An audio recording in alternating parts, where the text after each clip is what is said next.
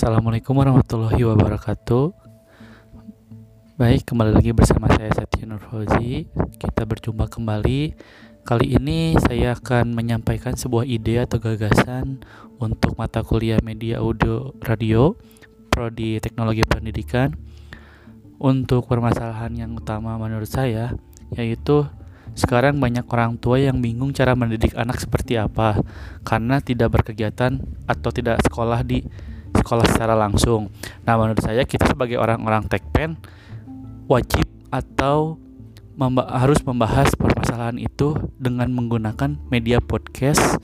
Jadi orang tua mau di mana pun sambil ngapain bisa bisa mendengarkan ilmu-ilmu yang kita bagikan untuk cara bagaimana mendidik anak pada saat di rumah seperti itu.